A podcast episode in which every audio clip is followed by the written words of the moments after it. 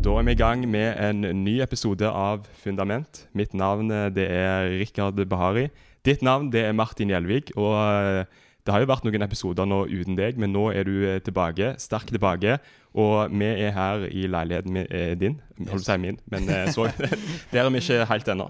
Dessverre. Jeg bor på hybel og, og, og leier den, og sånn kommer det til å være en god Så du har ikke en plan om å ta over her? Eh, ta over her, nei. Det var, det var, ikke, det var ikke planen. Men så har vi òg en gjest her i dag. Alexis Lund, eh, det Ja. er, er, er ditt navn. Det er det. Eh, ja. Eh, vi, vi snakket sammen etterpå her og, og fant ut at du ser jo mye yngre ut enn det du egentlig er. Ja, men takk. Ja. Det er jo Ja. fantastisk. For jeg blir jo faktisk 50 år i år. Ja. Så det er alltid kjekt å høre for en gammel mann. ja. Men dere har jo spurt om jeg trenger en hvil, eller om jeg må på do, og, sånne ting. Og det er jo, da blir jeg litt bekymra igjen, ja. liksom. Eh, Men fortell litt om, om hva er det du driver på med. For vi har jo invitert deg til denne podkasten, og det er jo en grunn, grunn til det. Så Mm. nå kan du få lov til å gjette. Hvorfor tror du du er invitert til denne podkasten? Oh, jeg har jo hørt litt av litt i denne podkasten. Ja. Så jeg tror det har noe med hva jeg jobber med, ja. Og hva jeg gjør på, og bruker uh, store deler av livet mitt på. Ja, rett og slett. Jeg jobber i en organisasjon som heter Tro og Medier. Mm. hvor jeg leder et arbeid som heter heltfri.net. Og uh, vi jobber jo i stor grad ut ifra kanskje tre ulike elementer som er godhet, sannhet og tro inn i medielandskapet. Og jeg jobber med, med ting som handler om nærhet. Eh, ting som handler om kropp og seksualitet. eh, om samliv og egentlig disse litt sånn vanskelige spørsmålene som vi kristne i stor grad har skydd så pesten. Eh, og kirker har snakket altfor lite om. Eh, og, og håper å være en, en frimodig og sann stemme som formidler en annen historie, en annen fortelling enn eh, enn det som medielandskapet gjør da, på disse områdene. Ja, Og vi kan jo kanskje starte der med eh, sånn som det er i samfunnet i dag. Hvordan vil du beskrive hva som er samfunnets syn, eller samfunnets sitt historie når det kommer til eh, seksualitet, når det kommer til intimitet og, og, og alle disse tingene her? Ja, det er, det er litt sånn Spørs litt hvor dypt skal vi grave. Ja. Vel, det er en podkast, så Ja, har, har litt tid til å gå, gå litt i Hvor dypt skal vi Ja, ja. grave? Nei, det er jo eh, Det er jo sånn Overall så tenker jeg 'what's in it for me' er vel kanskje noe av den grunntanken. Ja. Eh, hvordan kan jeg strekke strikken innenfor lovverket? Mm. Uh, og bare alle er enig, så er det bare å ta seg ut. Ja. Uten å tilnærme seg mennesket med en dypere hensikt og en dypere mening. Eh, det er jo en dualistisk tilnærming hvor vi skiller kropp og sjel og følelsene våre. Og jeg tror det er en, eh, jeg tror det er en eh, dårlig måte å håndtere dette som jo er så sårbart. Så der, der har jo jeg en annen overbevisning, da. Ja. Som er forankra en annen plass, i en annen norm. Som ikke heter gjensidig samtykke, eh, men som heter Bibelen Guds ord. Ja. Amen. Det er good. Det trenger vi veldig sårt. Og Du sier at eh, du nevnte at det er et sårt emne, og det kan skape sår. Er det hva, har din, hva er din erfaring med det? For du har sikkert møtt mange folk eh, rundt om. Og, Ja, jeg, jeg har Jeg vil si jeg har mye erfaring med det. Eh, både både fra eget liv, egen ungdomstid, samtaler jeg gjerne skulle hatt. Jeg gifta meg som en ung mann og gikk inn i en Det er en sårbar greie å gå inn i et ekteskap uten uh, den rette bagasjen. Så noe av, noe av det jeg jobber med, er født i smerte. Eh, og det tror jeg gir en ekstra kanskje frimodighet. Uh, når du har gjort opp med Gud, så gir det en ekstra frimodighet. Men jeg møter ensomhet. jeg møter skuffelse. Jeg møter Jeg møter vanskelige situasjoner. Ting som mennesker har påført seg selv, og ting som mennesker er blitt påført. Jeg møter skam. Mye skam. Uh, mye skyld. Og jeg møter en uverdighet inn i et landskap som jeg, uh, jeg er overbevist om skal være fullt av verdighet og nærhet og intimitet. For dette er, dette er virkelig nære ting. Vi snakker jo om, om mennesker og hva de føler. Og det, det er, eh, det er et, et, et landskap som en på en måte må trø litt varsomt inn i. eh, er det jeg erfarer. For vi har jo en, en kirkelig historie som kanskje har vært litt sånn skampreget. Det er derfor jeg sier vi har skydd det som kirke. At vi har, det har gjerne vært litt sånn skamdrevet. Uh, mye ja-nei. Jeg er jo ja-nei-menneske. Mm. Det er jo der jeg lander. Mm. Men vi må gå noen runder. Vi må ta noen samtaler. Vi må pløye litt, uh, litt, jord før vi kan begynne å, mm. å komme med de. Tror du at uh, kirka blir tatt litt um, med overraskelse med tanke på at kulturen har på en måte det har eksplodert med seksuell revolusjon og det her tingene som en før ikke snakket om, og bare liksom nevne sånne ting, var gjerne skambelagt. Og at mm. kirka har blitt litt sånn overraska. Oi, det her var ikke vi klar for, og nå har vi ikke tatt og håndtert det på den beste måten, kanskje. Ja, jeg tror jo på mange måter at Kirken er uforberedt på å snakke om disse tingene. Uh, for nettopp fordi at vi har unngått å snakke ærlig og sant om grunnfortellingen vår som mennesker, som mann mm. og kvinne. Og vi må jo pløye helt tilbake til vår opprinnelse når vi skal begynne å snakke om disse spørsmålene med, med hva vi er, og hvorfor vi er, og, og den dype meningen da, i uh, både kroppen vår og seksualiteten vår og relasjonene våre. Um, ja. ja. Der gikk denne varm. ja. Sånn kan det gå når, vi, når, det er andre personer eh, som hører på mens vi spiller inn podkaster. Eh, det var min eh, feil, sånn, by the way. Og er det din feil? Det var min feil. Ja, ja, ja. Og det er helt greit. Jeg vet hva det var. Men det er ikke greit. Ja, Du skulle bare minne deg på at du skulle spille inn podkast. Det var veldig sikkert det. Kanskje um, det, det, som jeg tenker her, sånn som Eller min analyse av sånn som det er i, i, i samfunnet, det er jo uh, du nevnte jo mye av det, det her med at alt er bygd på denne gjensidig samtykke. Gjensidig samtykke. Fordi det eneste som er galt, det er å bryte med, med noens andre, andre, sitt ønske. For vi skal søke vårt, vårt, e, det vi sjøl ønsker, alltid gjøre det vi vil. Eh, så det eneste som er galt, det er å bryte med, med det. Eh, så det er kanskje litt sånn humanistisk tanke som ligger til grunn. da. Eh, der vi ikke tenker det at mennesket er skapt med en hensikt.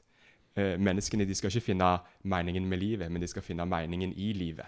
Altså De skal finne hva er meningen med mitt liv. Jeg skal finne noe som jeg finner meningsfullt.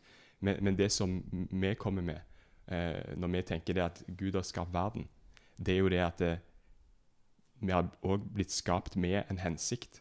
Og, og, da er jo det som du er inne på, du snakker om skam, du snakker eh, om det her, og ungdommer som forteller deg om, om, om, deres historie, og du har din egen historie. Og vi har òg vår, vår, historie med, med sårbarhet og, og, eh, og, at vi er mennesker som er falne, og vi har, vi har, vi har mangler. og eh, Dette her tenker jeg jo er noe som, som viser virkelig det at vi, vi er skapt for noe som er er, er større enn en bare det, og, og, at man skal finne sin egen mening og gjøre det en, mm. en føler for i, i, i øyeblikket. da. Ja, og jeg, jeg, dette er utrolig bra. Og jeg, og jeg tenker jo også, og Noe jeg òg jobber med når jeg er ute og i møte med mennesker, både i forsamlinger, men, men nå i møte med mennesker, at det er noe før det er noe før vi følte, og det er noe før vi erfarte. Mm. Dette er Bibelen veldig tydelig på. Uh, blant annet i, i Efeserbrevet, hvor, uh, hvor, hvor, det står i det første kapittelet 'før verdens grunnvoll ble lagt'. Mm. Eller Salme 139. Ja. 'Jeg kjenner hvert hår på ditt hode'. Mm. Og det er, det, er med, det er, noe med, denne her bevisstheten at jeg er ønsket, jeg er elsket, og jeg er villet. Mm. Da løfter vi opp mange spørsmål, hvis vi starter helt i begynnelsen av livet. Og mm. kanskje, Jeg liker å starte Når jeg snakker med ungdommer, så, ja. så, snakker jeg av og til Jeg går rett inn i naturfagstimen i forplantningen. Med dette ja. egget og denne sædcellen som smelter sammen. Mm. De, det blir ubehagelig da når de tenker på dette skjedde jo for 14 år siden med foreldrene mine. Ja. Og jeg sier det. Bare i stadere, dere. Men det er virkeligheten. Der var du allerede elsket mm. før du erfarte. Mm. Og det, det, gir et perspektiv som legger egentlig et grunnlag for å snakke om de vanskelige tingene mm. i livet vårt. Og hva vi føler, og hva vi erfarer det er jo, jeg ser i dette altså det er kanskje to ulike perspektiv. Altså Du har oss som, som mennesker og som individ, men så er det òg samfunnet. Eh, og dette er jo noe som viser seg på, på, på, på begge disse plan. Hvis vi, hvis vi, tenker på samfunnet, på kulturen, og vi, vi kan starte å snakke litt om det eh, hvordan, eh, kan negative, konsekvenser har du, du tenker det synet vi har på seksualitet, viser seg i, i kulturen og, og, og, i samfunnet? Hva slags negative konsekvenser har det? Mm. Nei, det er mange. Og da, da, tenker jeg sånn umiddelbart, når du stiller et sånt godt spørsmål, så tenker jeg Kanskje for de som er nysgjerrige og som vil pløye litt dypt i det utover podkasten, mm. og, og, søke opp Stefan Gustavsen sin bok 'Naken uten skam', hvor han gjør en grundig analyse av den seksuelle revolusjonen. Hvor seksuelt overførbare sykdommer, abort, overgrep, psykisk helse, eh, forhold til egen kropp Hvor de mm. tingene blir satt virkelig inn i den konteksten med hva har dette gjort med oss som, som samfunn, og hvordan har seksualiteten blitt, blitt på en måte revet ut av mennesket og gjort til en vare, og i stor grad en salgsvare, eh, på mange områder, områder. Og så går vi jo gjerne inn i inn i eh, liksom underholdningsindustrien, hvor vi gjerne tar fram ulike realityserier, om det er Ex on the Beach eller Paradise, som er fullt av alt som er negativt for mennesket. Og så smeller vi til med sex, og så blir det jo underholdning av det. For det er det som er drive, driveren liksom oppi det. Mm. Eh, vi tar vekk alle de sunne tingene som rutine, ansvar, retning, søvn. Alt, vi, alt som er bra for mennesket. Mm. Så det er, det er, noe her som uh, vi som tror bør være veldig frimodige med mm. tenker jeg, når det kommer til uh, seksualitet. Jeg er helt enig. Vi har en så masse bedre historie å fortelle. Vi har en uh, fantastisk gud som har skapt oss på en uh, fantastisk måte. Og så er det det her med fall og sånn som det har nevnt oss, som gjør at vi ikke er sånn som vi, vi burde, men vi har allikevel fått ord fra Gud. Åpenbaring om hvordan det burde være. Og det, det, er så vakkert hvordan både ekteskapet blir beskrevet, og hvordan sex skal være innenfor ekteskapet, innenfor de trygge rammene. Både altså, med tanke på um, det emosjonelle og alt, liksom. At det skal være trygt og, og, godt der. Og kvinnen skal respektere sin mann, og mannen skal elske sin kone. og en så masse bedre historie enn du får på Ex on the Beach og Paradise Hotel. Mm. Og, men problemet er jo, som uh, jeg tror du var litt inne på, Rikard, at vi har gått vekk fra det Gud har åpenbart, og så skaper vi vår egen fortelling. Og vi skal liksom finne oss sjøl og finne andre og finne veien i denne tåka som da verden blir. da. Og da tror jeg mange går feil, fordi at vi har en syndig natur, et syndig hjerte, og vi har eh, eh, ikke den eh, åpenbaringen som Gud har gitt oss, selv om vi tar ikke hensyn til den iallfall. Og så går vi rundt, og så ødelegger vi for oss sjøl, ødelegger vi for oss andre. Og, og, så tror jeg mange opplever òg på en tomhet på at det her var ikke meningen med livet. Uh, det var ikke, ga ikke den på en måte ultimate haien, eller mm. Altså ikke en hai i sjøen, men ja, det skjønner jeg. Så eh, da så, så uh, føler jeg en tomhet der, og da har, tror jeg vi har en bedre historie å presentere. Og vi, selvfølgelig, for å komme dertil, så trenger vi evangeliet. Vi trenger omvendelse, og det kan det fantastiske budskap om tilgivelse. At jeg kan få vekk sin synd og sin skam, at jeg kan begynne på nytt. At jeg kan komme i rett forhold til Gud, og så derifra bygge videre og lege og, og få den rette historien inn. Mm. Yes. Jeg tenker jo at uh, i denne samtalen her så er det det som er Etter hvert som vi går uh, gjennom de ulike temaene, så er det vi ønsker å få fram, er jo ikke bare hva som er problemet, men vi ønsker òg å, å, få fram hva som er, er løsninga. Men, men så er det, er det sånn uh, Fra luthersk hold så snakker de om eh, lov og evangelium.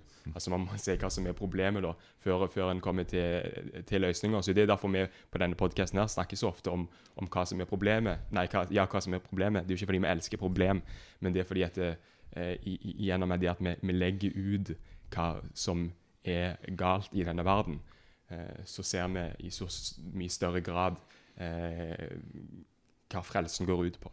Eh, og, og, hva slags alternativ det er Gud eh, eh, har for oss. Og jeg har, jeg har noen vers her fra eh, første Mosebok, eh, kapittel to.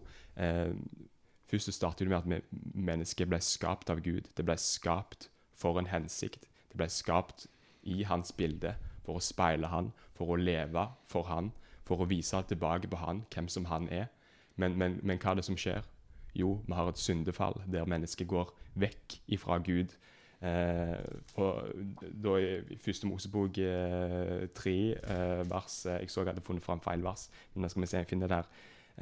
Med, skal vi se ja, Nå tikker klokken her, Rikard. Nå er tiden snart ute. Ja, ja, altså først, da til kvinnen. Ja, vi er i, i første Mosebok 3, eh, 16. Til kvinnen sa han, tungt vil jeg gjøre ditt strev. Når du er med barn, med smerte skal du føde. Du skal begjære din mann, og han skal herske over deg. Dette er det som er eh, konsekvensen av syndefallet. De har gått vekk fra Gud, og da kommer ondskapen inn i verden. Da kommer vondskapen inn i verden, alt det som ikke er godt, kommer inn i verden. Og så eh, vers 17. Og til mannen sa han, fordi du hørte på kvinnen og spiste av treet som jeg forbød deg å spise av, er jorden forbannet for din skyld. Med strev skal du nære deg av den alle dine levedager. Den skal la torn og tistel spire fram for deg, og du skal spise det som vokser på marken. Med svette i ansiktet skal du spise ditt brød inntil du vender tilbake til jorden. For av, for av den er du tatt, støv er du, og til støv skal du vende tilbake. Her ser vi det som er konsekvensene av syndefallet. Det blir òg lagt ut eh, eh, mer andreplass i Bibelen og Det nye testamentet, f.eks. I, i eh, Romane 5 så kan vi lese eh, Litt usikker på akkurat hva vers det er, kanskje du vet det, Martin. Det står at eh, synd kom inn i verden pga. ett menneske, eh, altså Adam. Eh, og med synd kom døden. Eh, og slik ramma døden alle mennesker, fordi alle synder. Synd er noe vi alle gjør fordi vi er falne mennesker. Altså det er noe i oss som ikke er godt. Eh, og Hvis vi da snakker om eh, seksualitet, så er jo det som er verdens historie, det er jo at du skal gå inn i deg sjøl. være tro til deg sjøl. Man skal finne seg sjøl. Gå inn i det innerste. Eh, i, i, innerste kammer, holdt jeg på å si. Hva er det du føler? Hva er det du lengter etter? Jo, det er det det vil si å leve et fullkomment liv. Det er å være tro til det. Det er det som er samfunnet sin historie. Men hva er det de da ikke tar i betraktning? Jo, de tar ikke i betraktning det at det, det har vært et syndefall. Altså det er ting med mennesket som ikke er godt. Så vi, vi, vet jo det når vi er kristne, at eh, vi mennesker vi kan ikke alltid gjøre det vi vil. For det er noe, som, noe av det som vi ønsker, noe av det vi vil. Eh, det, er ikke, det er ikke godt. Eh, og jeg syns det er litt sånn rart egentlig at man har en litt sånn der en, eh, eh, denne tanken i samfunnet òg. at de i samfunnet de må jo òg se eh, all den urettferdigheten som er i verden. I pornoindustrien, f.eks. All den menneskehandelen som fins. Folk som er i slavelignende forhold imot deres vilje. Og alt det pga. at det er en etterspørsel etter et sånn type materiale. Eh, det, det er jo noe som viser at det er noe i mennesket som, som ikke er godt. Jeg vet ikke om du har noe å legge til? eller... Har, er du kjent med det kjente bildet med at hvis seksualiteten og sex det er som et bål som, eh, Så hvis du har kontroll på det, og sånn, så er det kjempebra. Du kan liksom bruke det til å få varme, du kan koke mat og gjøre masse bra. Men hvis det går ut av kontroll, så kan det være den verste eh, livsfarlig. Sånn hvis flammene begynner, skogen begynner å brenne eller sånt. Jeg syns det er et utrolig godt bilde da, på hvordan eh, det er med seksualiteten Hvis han får vært innenfor de rammene som Gud har sagt, så er det noe som er positivt og fantastisk. Men hvis en tar det utafor, så er det så masse som blir ødelagt, så mange sår. og Du nevnte jo det med pornoindustrien. og Det var en sånn nettside som jeg tror fikk, hvis jeg husker rett, så fikk beskjed om at jeg måtte kutte ut uh, alle videoer der det var en eller annen form for eh, slaveri, holdt på å si, eller tvang eller sånt, så måtte, var det 50 eller 70% av videoene som måtte vekk.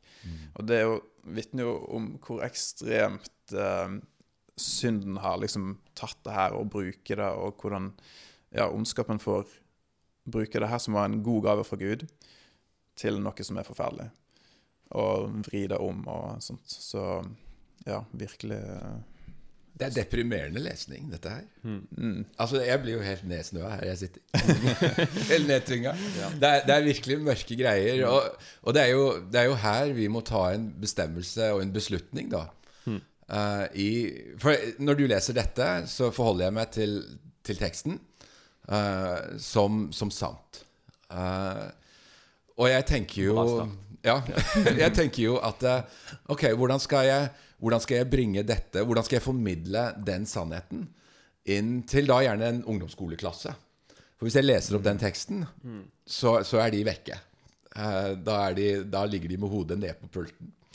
Eh, ganske fort. Uh, men det jeg kanskje tenker da, når du leser teksten, som, uh, som jeg forholder meg til som sann Ok, da kan vi løfte fram Redd Barna-rapporten, da. som heter 'Et skada bilde av hvordan sex er'. Som ble gjort i 2020 om unges bruk av pornografi, og hvordan det på alle måter er destruktivt for tankeverden og seksualiteten. Eller vi kan løfte fram uh, Medietilsynet sine tall, eller uh, Ungdatatall, om uh, disse nedadgående kurvene knytta til identitet, kropp, kroppsbilde, prestasjon. For det er, jo, det er jo det som ligger i denne teksten da, i, i, i Moseboken. Hvor hvor deprimerende det faktisk er egentlig å forholde seg til livet uten noe som er større enn oss. Og da, da legger jo vi et grunnlag for å kunne komme med noe som er mer attraktivt. Mm. Og når det kommer til seksualitet. Mm. Uh, for porno som kan være så spennende, så pirrende, og det kan vekke så mye nysgjerrighet, så tenker jeg at ok, hvis vi klarer som kristne å male et bilde, et maleri her, av noe som er nydelig, noe som er hellig, noe som er vakkert, så skaper vi en indre lengsel som går dypere enn bare det visuelle inntrykket vårt. Hvis vi snakker om oss gutta, da. Mm. Uh, noe som pløyer dypere ned i mannen. Som går på at ok, her er, det, her er det en hensikt, en mening, som starter i at jeg er verdig. At jeg er ønsket og elsket. Med all min styrke, med alt mitt testosteron og alt mitt begjær, så er jeg faktisk villet inn i denne, inn i denne skapelsen. Og der ligger det en eller annen kraft som jeg tror vi, eh, vi må snakke frimodig om. Og i den kraften så ligger det òg disiplin. Eh, Knytta til sin egen seksualitet og de valgene en tar når en er aleine. Mm. Eller i en relasjon. Ja, Så hvis en klarer på en måte å få overført, eller få et nytt mål, et nytt uh mål for de ungdommene og sånt. Hvis de blir liksom opplært av kulturen og sånt, så er det liksom Ja, uh, hva ord er det jeg er ute etter? Ikke explore. Utforske. Utforsk, utforsk ja. din uh, egen uh, verden og seksualitet. Og dele ut kondomer og sånt på mm. ungdomsskole og sånt. Og hensikten er god, selvfølgelig, men ja. Og, og, men hvis vi klarer å gi det et nytt mål, og selvfølgelig Målet må jo først være at jeg kommer til evangeliet, blir frelst og får et hjerte for å gjøre etter Guds vilje. Uh, men hvis vi da gir det et nytt mål å jobbe mot, der de kan bruke mm. testosteron og, og ja, kraften og driven som det har, og se framover mot det som jeg nå har tegna et bilde av, og at det er målet som du skal arbeide mot, så mm. får det en positiv mål, et positivt mål for den kraften som det har, og den iveren. Og, så det tror jeg kan være en uh, Gi det et nytt mål, liksom. Og, for da er vi jo inne på noe praktisk. Mm. Og vi mennesker vi må jo ha en, vi må ha en praktisk tilnærming til livet vårt, for det er veldig praktisk. Altså Valgene våre er jo det er superpraktiske ting. Mm. Uh, og da, da, har vi, da, har vi, noe med at det, eh, jo, vi er, vi er, skapt med den kroppen vi er. Vi har de kreftene vi har. Vi har den driven vi har. Og da må, må vi gjerne legge til rette for en eller annen arena hvor det kan leves ut. Mm. Og jeg tror at det er veldig mange, hvis vi snakker om menn her, da Menn, uh, unge, unge voksne menn, og voksne menn, som, som, bruker sin kraft og sin nysgjerrighet inn i seksualiteten på en ekstremt destruktiv måte. Hvor det blir førende i livet deres, som river egentlig sjela deres ut. Mm. Og jeg, ja, Der vil jeg jo bare understreke, for at jeg studerte det her litt for noen år siden og leste litt om pornografien. og veldig mange av de som er avhengige, da, de sier det at uh, de blir ført liksom inn i et større og større mørke. Og de, de skjønner ikke sjøl hva de har lyst å se etter en stund. Det var flere som uttrykte seg på en, på en måte, noe à la det iallfall, at de forstår ikke hvorfor de har lyst til å se noe som er så galt. Uh, så det begynner liksom gjerne på uh, der oppe, og så bare synker du og synker du synker lenger ned. Og så til slutt virker det som om flere av dem uttrykte nesten en avsky over hva de sjøl ville. At det er et mørke der som hadde grepet deg. Og det er jo òg eh, noe Viser hvor destruktivt det kan være, og, og det mørke som det kan komme. Overflaten ser så fin ut, som du sier, det virker liksom Det pirrer, og det virker spennende, men så blir en dratt inn i noe som mange av dem ikke skjønte sjøl at de hadde lyst til. Jeg har de samtalene mm. med menn. Jeg har samtaler med menn som uh, forteller meg at når det kommer opp uh, disse sakene som gjerne dukker opp i mediene av og til, med overgrepsbilder eh, lasta ned på datamaskiner, som, som, knuser harddisken sin og heller mm. tennvæske på og tenner på. Mm. Fordi de er ført ned en gate som mm. er ekstremt mørk. Mm. Og det, det, er noe, det, er med denne, det er noe med dette du leste. Denne dybden i faktisk det fallet og den synden. Å sette ord på det, som jo Moseboken gjør, på en veldig liksom, deprimerende måte. Men å forholde oss til det i den verden vi lever i. Og det er jo, er jo nettopp der de samtalene jeg gjerne har med menn som, som har gått ned denne gata over mange år, um, som gjerne har en dyp, dyp lengsel inni seg til noe annet. Uh, noe, noe, verdig, noe hellig, og en tilnærming både til sin egen kropp og til seksualiteten på, en, på en helt annen, uh, en helt annen, et helt annet nivå som Gud har ment vi skal være. For vi har det i oss som menn. Mm. Ja, jeg tenker òg på, på, det mørke med både menneskehandel og hva en sjøl kan få seg til å gjøre og få lyst til etter hvert. Så tenker jeg òg at det er et åndelig aspekt her eh, som Altså, vi lever ikke i en eh, naturalistisk, materialistisk verden. Det er, en åndelighet her òg. Og Paulus sier at vår kamp er mot, eh, mot uh, mørkets makter i den åndelige verden, ikke først og fremst kjøtt og blod. Jeg syns det, det, er interessant òg hvordan i, på bibelske tider så var det jo her masse av det som kalles for hor, da, eh, var knyttet opp mot avgudsdyrkelsen. Og var knyttet opp mot å faktisk styrke en annen gudinne eller en annen frukt, fruktbarhetskult. Og jeg tror det er noe med det i dag òg, selv om vi ikke setter ordet på det. Selv om vi ikke sier at nå skal vi gå ut og dyrke og starte, så tror jeg det er et åndelig aspekt. av at demoniske krefter og mørke krefter vil ha oss inn i det mørke. Og det vil på en måte dra deg lenger og lenger. Og så tenker jeg på i Feserbrevet der den åndelige kampen står, så sier Paulus òg det her da i Efeserne 5.5. For, for dette vet dere Ok, det her vet vi. ok, Skal vi se det, da. At ingen som lever i hore eller i urenhet eller i grådighet, han er jo en avgudsdyrker, har arvedel i Kristi og Guds rike. Og så jeg tenker jeg vil bare kaste det ut der, så får det komme med deres tanke, da. Men at eh, det er òg noe dem, eh, mørkt og demonisk med det her. Iallfall hvis en virkelig ender opp inni der, da. Som, eh, som jeg òg vil uh, Ja, jeg slenger det ut som en tanke, og så får jeg ta den hvor jeg vil. det er, det er, jeg forholder meg jo til dette daglig. Um, og kjenner jo igjen det du sier. Jeg snakker lite om det. Mm. Uh, for jeg er veldig var med å gå inn i det. Men folk spør meg av og til hvor jeg jobber, og hvis settingen er, uh, er der, så sier jeg rett som det er at jeg, jeg jobber i dødsskyggens dal. Mm. Jeg går ut og inn, uh, men jeg jobber der. Jeg forholder meg til en åndelig, uh, åndelighet rundt dette. Men uh, det er noe jeg snakker litt om. hvis jeg snakker om det og går inn i det, så er det i, i trygge, i mm. veldig, veldig trygge, nære rom. for dette er dette er Det er noe mørkt over dette. Mm. Det er ingen tvil. Og det er nettopp ja. derfor den gode historien og evangeliet, som er gode nyheter, er det essensielle. Og jeg, vi har jo endra måten hvordan jeg har endra måten jeg jobber på. Jeg snakket mye mer om porno når vi starta Helt fri, mm. uh, og brukte mye lengre tid på det. Nå bare pløyer jeg gjennom det ganske fort, mm. og så begynner vi å bygge grunnfortellingen til mennesket og en bedre historie. Mm.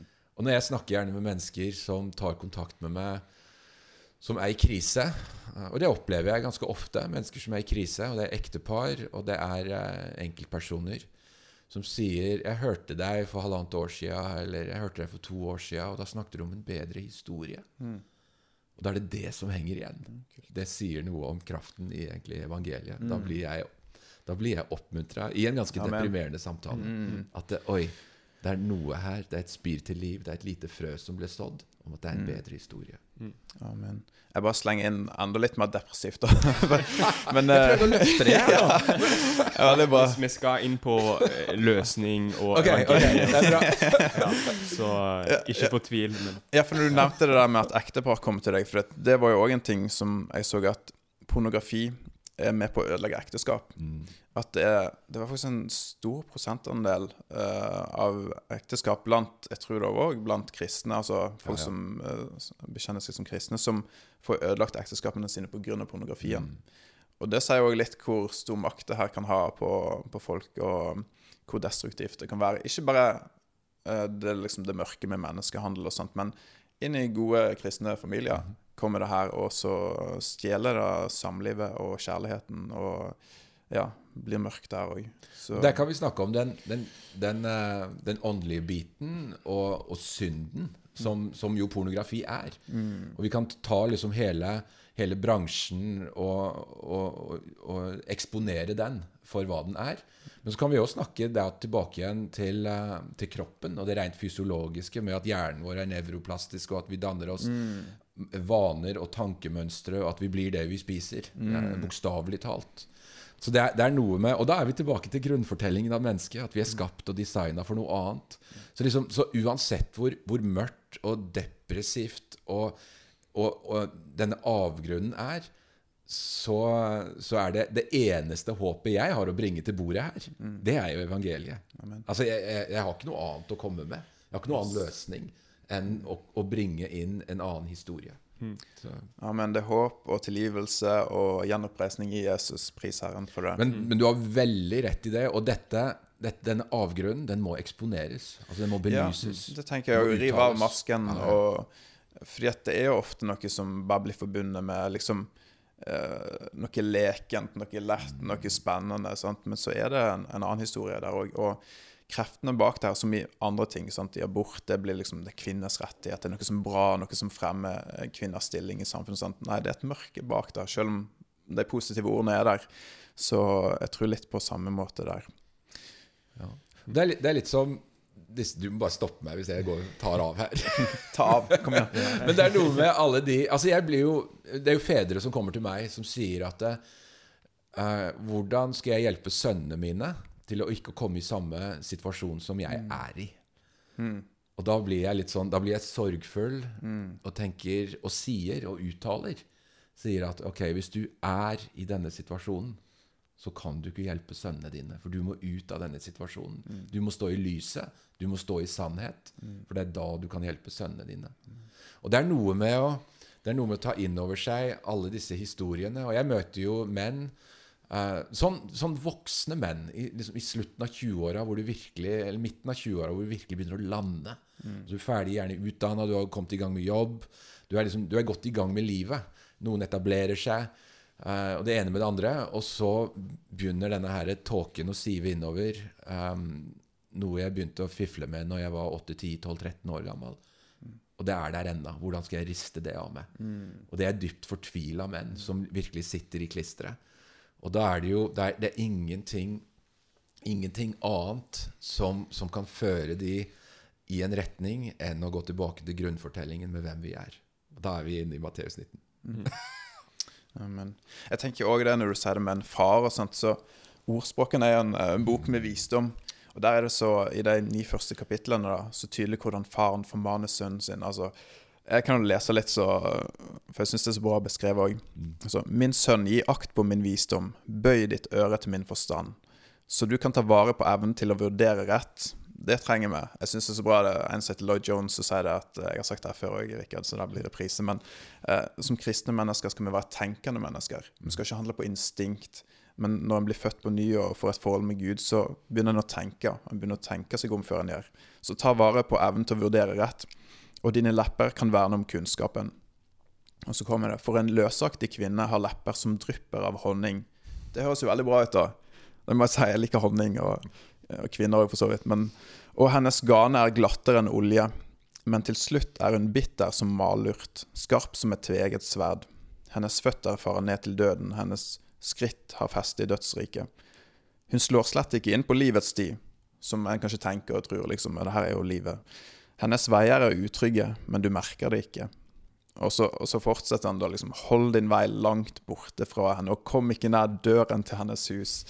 Og det, ja, En kan lese videre i ordsprekken egentlig to til sju eller seks. Der er det masse om, om det her, da, hvordan faren bare prøver liksom advarer sønnen sin. Mm. Gå ikke der, det er ikke veien, det er ikke livet. Det, det, ser ut som det er honning, det virker veldig bra, men det biter deg som gift etterpå. Og, ja. Så jeg syns den approachen er eh, som mm. fantastisk. Og som en far kan du si det her til dine barn og liksom uh, advare dem. Men selvfølgelig, uh, det er en flis og en bjelke hvis en bare, ja. bare liksom uh, En må jo leve i det sjøl òg. Men jeg syns ordspråken der er så bra. Hvordan, og et forbilde for de som er fedre. da At jeg kan liksom ta, det, her- ta den praten med barna dine. Ikke bare med guttene, men alle barn. Og så, ja. En kjapp replikk. Mm. Det sto i en dødsannonse. Han hadde ingen barn, men mange sønner. Mm. Så vi er alle fedre, hvis vi velger det. Mm. Så mye å være forbilde, og Ja. som Ja. Og jeg tenkte på det, her, eh, det du nevner i, i ordspråkene. Det her med at vi, vi er skapt med en hens, hensikt. Vi er skapt for noe. Det står det at eh, altså det å gå inn til en, en fremmed kvinne slik bar, gjør bare noen uh, Slik gjør bare den som vil ødelegge livet sitt. Mm. Ødelegge livet sitt. Uh, det tenker jeg, det sier jo noe om at det er en hensikt med våre liv. At vi er ikke bare sånn som uh, en sekulær humanist vil si, at vi bare finner vår egen mening i livet, det som er meningsfullt for akkurat oss, og, og kan, for deg no, kanskje noe helt annet. Nei, vi, vi har en, en bibel som er, som er Guds ord, der det er åpenbart hva som er Guds vilje for oss. Og Du har nevnt det flere ganger en bedre historie. og jeg tenker at eh, Nå skal vi gå litt inn i det her. Du nevnte Matteus 19, og, og, og der eh, kommer jo folk og de spør Jesus eh, om ekteskap, om ekteskapets brudd osv. Hva han sier? Han sier 'Har dere ikke lest hvordan det var fra begynnelsen?'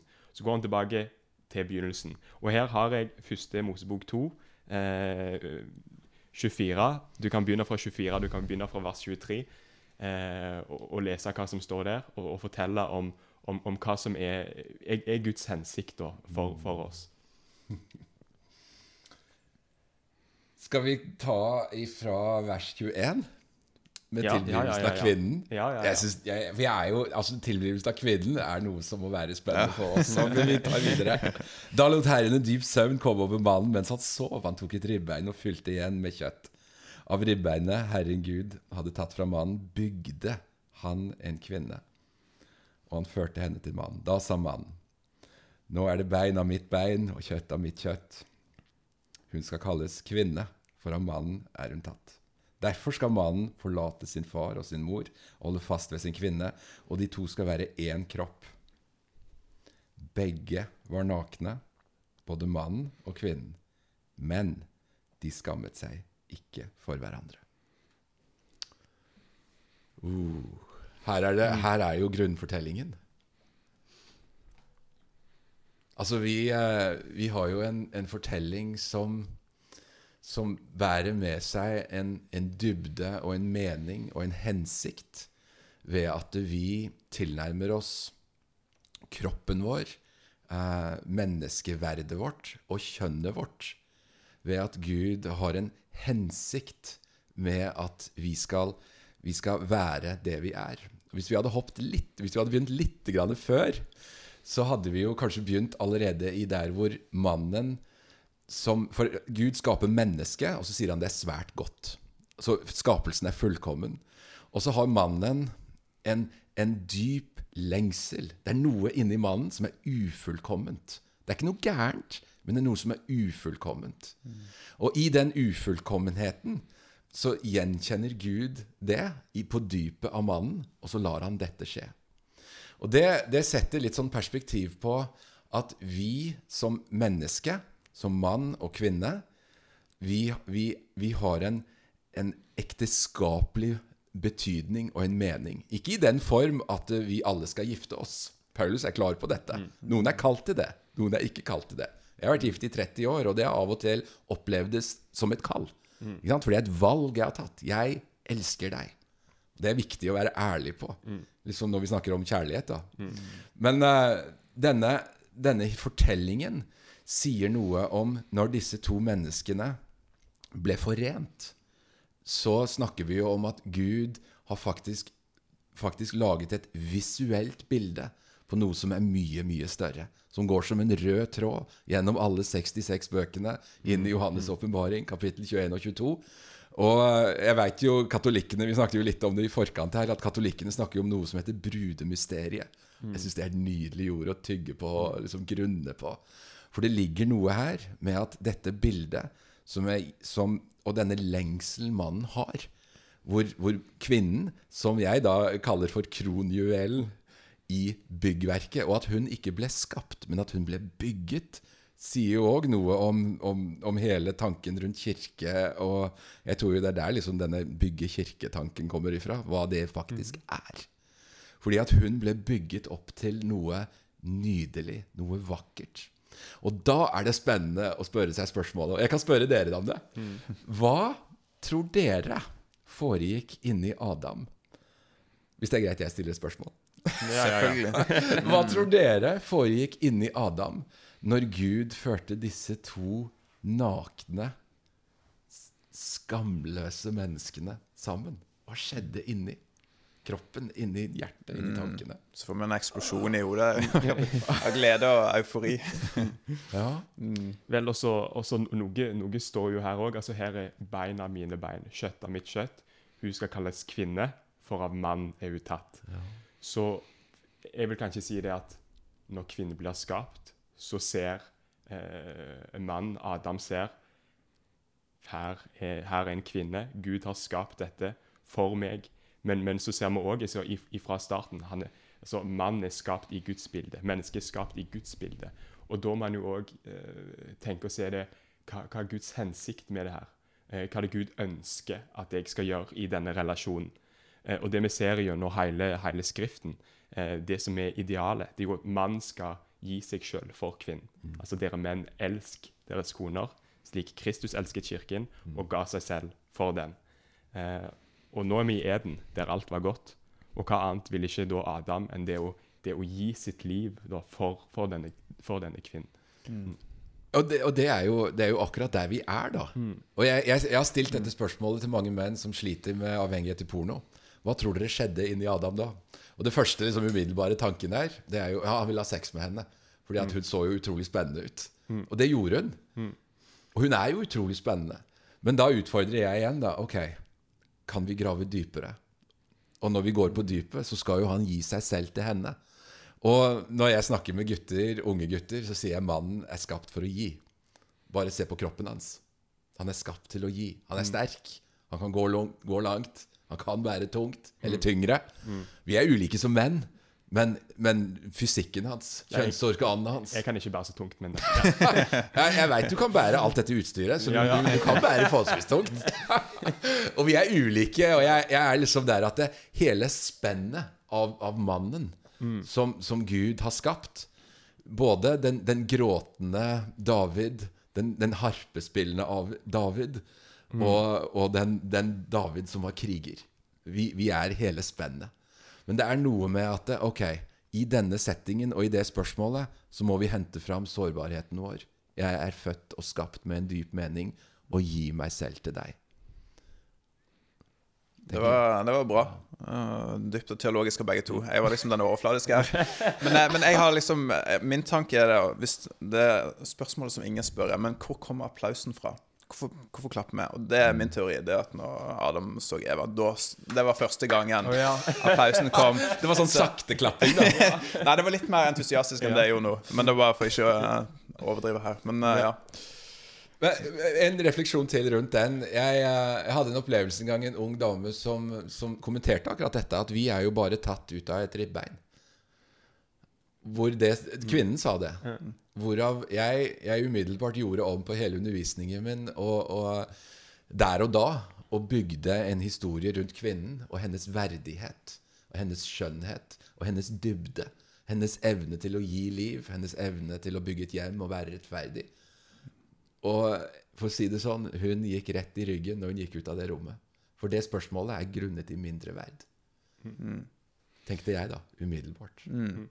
Jeg syns det er en, eh, en, som heter Matthew Henry, tror jeg, som har sagt det, at uh, Eva ble ikke tatt fra beina så Adam kunne trakke på henne. Og hun ble ikke tatt fra hodet så hun skulle styre over han, men hun ble tatt fra sida så hun kunne være en kompanjong, og hva er det ordet vi pleier å bruke? Altså en, en hjelper og en, en som oppfyller, komplementerer mm. Adam. Jeg syns det var veldig bra sagt. Altså, hun, ble tatt fra siden. Så hun skulle verken bli tråkka på av Adam, eller, han skulle, eller hun skulle styre over Adam, men hun var tatt fra siden. Jeg syns det var en fint, uh, fin illustrasjon. Mm. De stakk Jesus i siden. De brøt ikke bein, men de stakk han i siden. Mm. Der ble hans kirke født, hans hustru. Det er noe her som Mm. eh, vi kan pløye i Ja, Mm. lenge. det er det. Det som vi òg må, må snakke om her, det er jo evangeliet. fordi at noen kan kanskje høre det du sier her, med OK, det fins eh, en annen historie enn det vi hører i verden. Det, eh, vi er skapt med en hensikt. Men så kjenner han i seg sjøl disse herne lengslene, kanskje. Eh, disse lystene. Eller bare svakheter. At det ikke alltid er så lett å leve opp til det som er Guds intensjon. Det kan være én ting. Men òg eh, skyldfølelsen. Skammen over at han kan ha gått år etter år etter år og ikke levd etter dette. her. Kanskje han oppdager det, og så, og så tenker ja, men hva med fortida? Så hva vil du si til, til det her? Hva er på en måte håpet? Hva er de gode nyhetene til, til noen som, som kjenner og føler på det? Ja, Vi kan strekke det enda lenger. Vi kan si mennesker som opplever eh, tiltrekningen som vil være i konflikt med, de, med overbevisningen. Eh, eller konflikt med sin egen, sin egen kropp, altså sitt eget kjøtt. Og eh, der, der kommer nok jeg inn i, uh, i den samtalen med først og fremst å anerkjenne smerte. Uh, for jeg tror det er viktig at vi anerkjenner smerte. Um, jeg snakker av og til om spørsmålet i Johannes Hvis vi går tilbake igjen til, til evangeliene. Johannes døperen som, uh, som sender disiplene for å spørre Jesus om er det virkelig deg. Er det virkelig deg? Og Jesus svarer han jo egentlig ikke på spørsmålet, men han sier de, de, de lamme går, de døve hører, de spedalske blir helbredet. Salig er den som ikke faller fra grunnet meg. Mm. Og så sitter Johannes der med sin smerte. Og det er noe med å være Å være Å sette, liksom, sette prioriteringen i livet sitt med 'Jeg lever ikke lenger selv, for Jesus lever i meg'. Og det, Dette er røffe spørsmål. Altså Dette er brutale spørsmål. Og for min del så veit jo jeg at i kanskje de siste tre-fire siste årene så oppsøker jeg mennesker som gjerne lever i denne smerten, den ekstreme smerten, som gjør noe med hvordan jeg tilnærmer meg det. Kanskje, kanskje mykere. Og jeg er en disippel, jeg er en Jesu etterfølger. Jesus var ikke redd for å møte mennesker på det mest sårbare. Johannes 4, kvinnen ved brønnen, var en veldig sårbar kvinne. Men han berørte noe av det næreste, noe av det mest skamfulle i livet hennes, og satte henne i frihet der og da. Og jeg, jeg, jo, jeg har jo tiltro til både Guds ord og evangeliet. Og det å løfte fram sannhet i en vanskelig samtale, det er vanskelig. Fordi at avvisning ligger så latent i, i skam, i skyld. Og jeg, jeg er ekkel er jo en sånn frase som gjerne går igjen i en del av disse samtalene. At jeg, opplever meg selv som ekkel. Og jeg møter jo mennesker som, som, har en sånn følelse, og jeg har gjort så mye ekkelt, og jeg er interessert i ekle ting. Men det å komme head on med Du er elsket. Du er villet. Og det er begynnelsen på din historie, før du følte noen ting eller erfarte. Og nå er du der i ditt liv at du føler deg skitten, du har gjort ting, du har gjort valg, du har, du har følelser som er i konflikt med din egen overbevisning. Og hvordan hanske livet da? Da vil jeg gjerne vandre med det. Da vil jeg gjerne vandre med det. Jeg skulle jo ønske, og jeg har ropt til Gud mange ganger Hvorfor er det ikke noe tryllekur her, da? og det gjorde Johannes òg. Mm. Ifra sin celle langt inne i ei grotte og venta på sin dødsdom. Mm. Og det lever jeg med. Det må jeg leve med. Men jeg må anerkjenne smerte. Mm. Amen. Ja. Så jeg tror òg i evangeliet så har vi Når vi får et forhold til Gud, når uh, vi vender oss vekk fra vår synd og får et forhold til Gud, vi tar imot den tilgivelsen og nåden som Jesus gir, og han blir vår Herre og Frelser. Altså ikke bare Frelser, men han er også vår Herre. Sånn som du sier at jeg lever ikke lenger sjøl, det er Kristus som lever i meg. Eh, når det skjer, så, så blir retningen på livet en annen. Du snur eh, 180 grader, og, og du står kanskje i starten på masse samme plassen, men du har snudd deg rundt, så du har en ny retning. Og, og der tror jeg det er viktig at vi kan forkynne det gode nytten om tilgivelsen, at du er fullt ut elska av Gud i Kristus. Du er 100 rettferdig og, og villa i Han. Og så tror jeg òg at vi må, kan si at det fins seier over synd. Det kommer til å ha mange fall i synd, og det fins nåde. Stor, stor nåde for den som vil følge Jesus, og som elsker Gud. Uendelig stor nåde.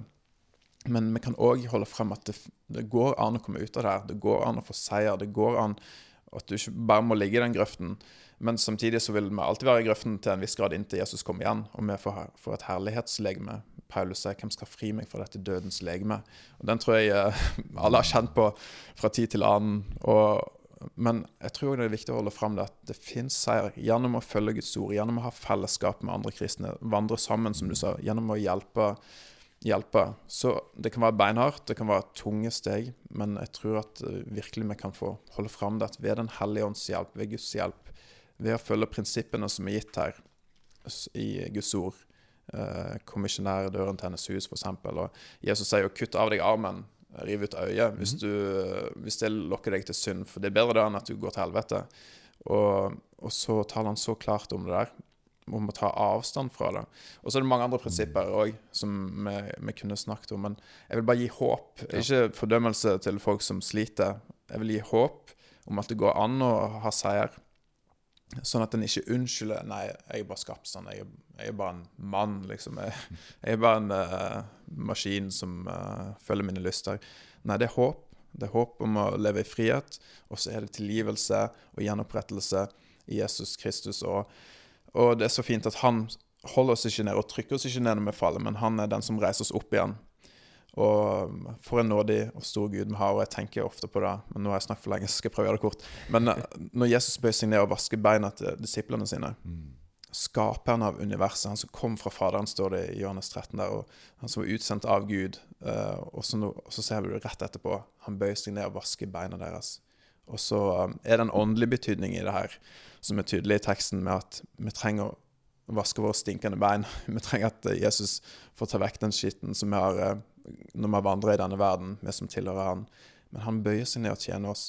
Og så bøyer han seg enda lenger ned og tar korset på seg og går til Golgata og dør og tar straffen for våre synder på seg der. Så i evangeliet, bu i evangeliet, men i din vandring så vite at det er håp om seier, og det er håp om gjenopprettelse det er sår der som kanskje kommer til å være der, og det her vet du masse bedre enn meg, du har masse mer erfaring der. Men det er håp om gjenopprettelse. Og det endelige håpet er ikke denne jord, men det er når Jesus kommer igjen, og det nye jord. Men vi ser fram mot det håpet, og vi strekker oss mot det, og vi på en måte tar steg i den retningen. Ja. Det var en lang andakt. Ja. Nei, men, nei, men, Dette er veldig bra. Og det der, akkurat liksom den, Du var inne på den med å, med å rive ut ditt eget øye. Og, mm. og, og den, den, er jo det handler jo om å være ærlig på livet, da. Uh, altså å sette noen føringer i livet sitt. Sette opp noen rammer. Altså Jeg er jo en voksen, gift mann som har levd i et trofast eh, ekteskap i 30 år. Men jeg har, jeg har klare rammer på hva jeg gjør, og hva jeg mm. ser, og hvordan jeg lever transparent. Fordi at jeg har jeg baserer mitt liv på kunnskap om, om eh, kjærlighet, hvis vi skal begynne liksom gå den veien at kjærlighet den gleder seg i sannhet. Mm. Og den kjærligheten som meg og min kone opplever sammen, der må det være sannhet. Vi må leve i den sannheten og velge de mm. tingene. Og da handler det om å, liksom, å ta de rette valgene. Mm. For jeg er jo fortapt uten Kristus. Amen. Da er toget gått. Mm. Og det er, liksom, det er, jeg jo ærlig på. Jeg er avhengig av å være nært knytta til min frelser. Mm. Ja. For Bibelen den snakker om det, og vi har snakka mye om, om synd her i dag. Mye om om, om, om problemer. Eh, men det er viktig å, å, fokusere på det, ikke fordi det er bra, men eh, fordi det faktisk er sånn at vi, jeg har funnet fram i Feserne 2 her. altså Det står at vi døde. Vi var døde pga. misgjerningene og syndene våre. Det står at vi levde i dem på det, det nåværende verdens vis. At vi fulgte djevelen, er det som står. Vi var av naturen vredens barn. Altså Hvor er håpet hen? Mm håper det er i vers 4, der det står 'Men Gud'. Altså fins det noe bedre enn i, som i elendighet? Og så hører 'Men mm. Gud'. Men Gud er rik på barmhjertighet fordi han elsket oss med så stor en kjærlighet. Gjorde han oss levende med Kristus, vi som var døde pga. våre misgjerninger. Altså som vi var døde, vi har blitt gjort levende. Skal vi spørre på hvilken måte skjer dette? Jo, det skjer jo igjennom, og vi har, inn, vi har vært, innom det mange ganger, men jeg tenker det er viktig vi legger det fram helt sånn konkret. Dette her kan skje fordi det var en Jesus som levde og vandra på denne jorda, og som i motsetning til oss levde etter det som var Guds intensjon fullt ut. Han var eh, sant menneske, sant Gud, og han levde fullkomment. Der han ble prøvd på alle måter sånn som oss, men uten synd. Han elska sin neste som seg sjøl. Han elska Gud av hele sitt hjerte. Eh, det står i første kor 10, eh, 31 er det vel, at eh, enten du spiser eller drikker, eller hva enn du gjør, gjør alt til Guds ære. Vel, lykke til, vil jeg si. Og er det, er det et sekund i mitt liv der, eller i deres liv der vi har elska vår neste som oss sjøl fullt ut? Eh, jeg tror ikke jeg kan si det. Men når, når Jesus var fullkommen, så gjorde han det hvert eneste sekund. Og det var denne det var denne frelseren, det var denne Jesus som døde på et kors for oss, eh, sånn at vi kan bli tilgitt gjennom troa på Han, sånn at vi kan stå i nåde, sånn som det står i, i, i, i Romane 5, at, at, vi kan være rettferdige ved, ved, tro. Så det er dette her som er, er håpet, og det er gjennom det at vi kan få en ny identitet. Og eh, Jeg vet ikke om du vil si noe, Martin, men jeg er ikke ferdig helt ennå. um, I vers 8 her i Efeserbrevet, uh, der snakker det om nåden. Og noen lurer kanskje på hvor kommer gjerningen inn i dette. her? Fordi at eh, En kristen han skal jo gjøre godt, men vi blir jo ikke frelst fordi vi gjør godt. Så hvordan henger det her sammen? Og, og, og her i Feserne 2, fra vers 8 til 10, her syns jeg det kommer veldig bra fram. Det står 'For av nåde er dere frelst ved tro'. Ok, Så det er bra. Det er ikke deres eget verk, men Guds gave. De hviler ikke på gjerninger for at ingen skal skryte av seg selv. Vi er frelst av nåde ved tro. Det er ikke vårt eget verk. Vi skal ikke skryte av oss sjøl. Men hvor kommer gjerninger inn? Jo, det kommer inn her i vers 10. For vi er Hans verk, skapt i Kristus Jesus, til gode gjerninger, som Gud på forhånd har lagt ferdige for at vi skulle vandre i dem. Ok, Så vi er frelst av nåde ved tro. Nåde, nåde, nåde. Vi står i nåde. Det er ved tro. Det er en gave, osv. Men hva er, vi, hva er vi skapt til? Mm. Hva er nå Guds hensikt og intensjon til oss? Eh, når han frelser oss, hva vil det si? Jo, han frelser oss til gode gjerninger. Mm. Og da tenker jeg òg på uh, I, uh, Titus står dette, i, og da òg uh, Galaterbrevet fra starten der i hilsen så står det at eh, Jesus han kom, han døde for oss for å fri oss ut fra den onde tida som vi nå lever i. Og, mm. Det er fundamentet. Mm. det er det vi, det der vi, vi, starter i. Mm. det er der vi starter. Og så befalinger, eh, imperativ, som vi ofte kaller det. Altså gå, sitt. Det høres ut som jeg snakket en hund, men altså eh, Befalingene, det kommer ut ifra, ifra, dette her. Det som er vår identitet. At vi er rene, at vi er rettferdige. Og ut fra det så kan vi gå og, og, og gjøre det som mm. er godt, og det som Gud, eh, Gud kaller oss til. Amen. Amen. Jeg hadde to tanker der når du snakket, og de bare forsvant underveis. Men, eh, men eh, den ene husker jeg, da. Det var at uh, jeg, jeg, snakket med en broder i går, og vi snakket òg om at verden er mørk. Og så enda mer mørke. Men, men jeg skammer meg ikke over å, å, si det. Og jeg tror vi ser det altså, når vi ser ut i verden. Vi ser på krig, vi ser på slaveri, vi ser på så masse ondt som skjer i verden. og også bak lukkede dører i Norge òg. Det er så masse som skjer, og som er så ondt. Og så ble det bare litt stort for meg igjen. Altså, her kom Jesus. Til denne verden kom Jesus. Folk som ikke vil ha han, folk som hater han, folk som korsfester han. Og så kom han inn i denne verden, og så ville han frelse. Og da ble jeg bare liksom igjen Jesus, at du gadd å gjøre det her. At du ga ditt liv for folk som meg, og folk som, ja, som er, er syndere, og som uh, trenger nåde. Så det pris å være her igjen. Altså, jeg syns bare det er så fantastisk, og det ble litt nytt for meg i går, så jeg vil bare dele det igjen. At um, mm. det er virkelig Altså, vi er virkelig ille, men Gud er virkelig nådig, og der er et fantastisk håp. Mm. Jeg tror jo i dette håpet som, som vi snakker om, og i, i, disse, i denne samtalen, så er, jo, så er, det jo, hele tiden at det, her fins det jo noe annet. Altså Det er et alternativ, og den skal ikke, den skal ikke pirke så mye borti mennesket før den der, det der ytre skallet eh, forsvinner. Det står i eh, Salme 84 Min kropp og min sjel lengter etter å være i dine forgårder. Mm. At det, det, gjelder, det, gjelder, hele mennesket. Det er ingen, ingen dualisme i den, uh, i den, samtalen. Det er hele meg med alt hva jeg er. Lengter etter å trø innenfor mm. forgården. Hvor vi da, som du setter ord på, med det nye mennesket, den nye Adam, kan gjøre det med frimodighet. Mm. Og det sitter langt inne. Fordi at vi har ting Kan Gud virkelig gi meg nåde for alt jeg har gjort, eller alt jeg har sett, eller alt jeg har påført meg selv? da? Og jeg har jo disse, mange av disse sårbare samtalene med mennesker som Kanskje unge mennesker. Nå tenker jeg kanskje på mennesker som er kommet inn, går første året på folkehøyskole eller bibelskole, som, som har hatt en russetid bak seg, hvor de kanskje har opplevd ting som har vært eh, Som de tenker ja, jeg skulle virkelig ønske jeg hadde tatt andre valg. Er jeg en annenrangs kristen nå, siden jeg opplevde det, eller gjorde det, eller pusha den streken? Da må vi inn i grunnfortellingen vår Mm. og, og snakke om gjenopprettelse, nåde, Mm. alle de tingene. Så det er, det er eh, jeg, jeg tenker ofte Altså, de som ikke bærer med seg evangeliet som, som gode nyheter Altså det Hvor alt håp egentlig bare henger på meg, hvor jeg skal fylle mening i livet. Jeg skal fylle alt det, det er min jobb å fylle mening. Og jeg tror jo på alle måter at vi mennesker er meningssøkende. For vi, vi snakker jo mye om lykke og hvordan skal jeg bli lykkelig. Men uten en dypere mening i hva vi gjør, inklusiv seksualiteten vår, så renner det ut i sand. Jeg tenkte på en historie der som uh, kanskje du kan ta med deg i møte med det her folkene. Men det er en eh, forkynner som heter George Whitfield, da, som hadde forkynt på et møte og sagt på liksom bedt folk kom til Kristus, og så hadde han sagt sånn Om du sjøl føler deg som djevelens forkasta, altså the devil's reject, så kom til Kristus.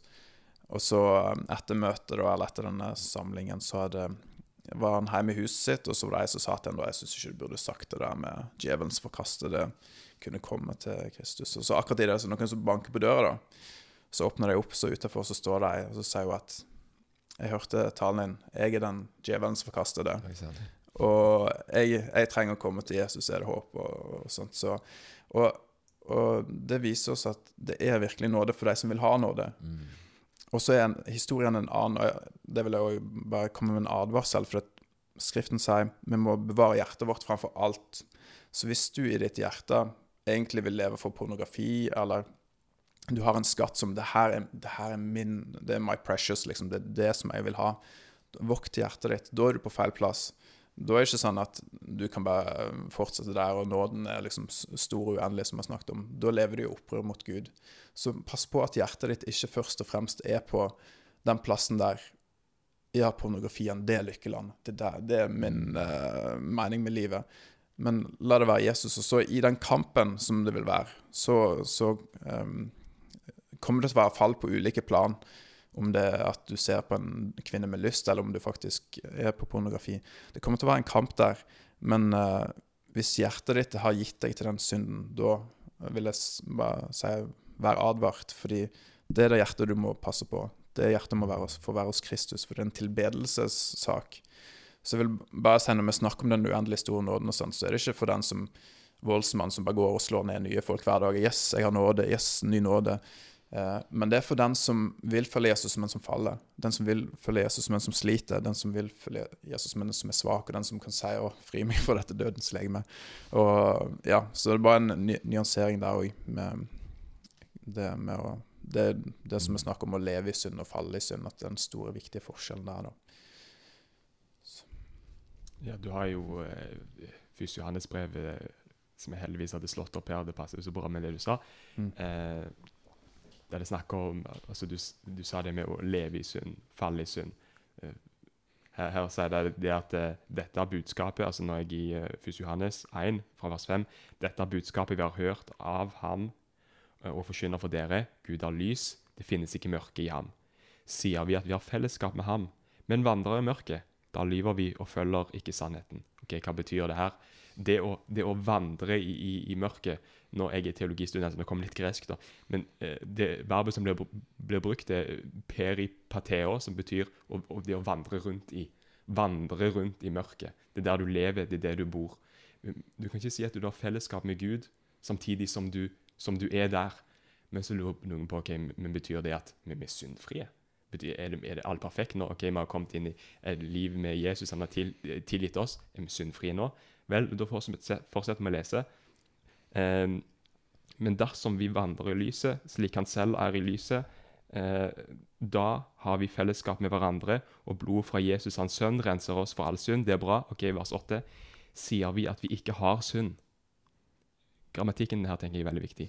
Sier vi at vi ikke har synd, da bedrar vi oss selv, og sannheten er ikke i oss. Og så vers 9. Men dersom vi bekjenner våre synder, er Han trofast og rettferdig, så Han tilgir oss syndene og renser oss for all urett. Sier vi at vi ikke har syndet, gjør vi ham til en løgner, og Hans ord er ikke i oss. Ok, Så vi bedrar oss sjøl hvis vi sier vi ikke har synd. Det, det, det er det den urettferdige gjør. Han rettferdiggjør sin synd, sier. Jeg har ikke synd. Jeg har ikke synd, Alt er bra. Men hva er det den, hva er det den rettferdige gjør? Den urettferdige den sier jeg har ikke synd. Hva gjør den rettferdige? Den rettferdige han bekjenner sine synder. Bekjenner ender gresk ord, homologeo, og sier på samme måte, men han sier seg enig med hva Gud sier om synd. Sier seg enig om hva Gud sier om rettferdighet. Og sier jeg ønsker å leve i det livet som du har kalt meg til.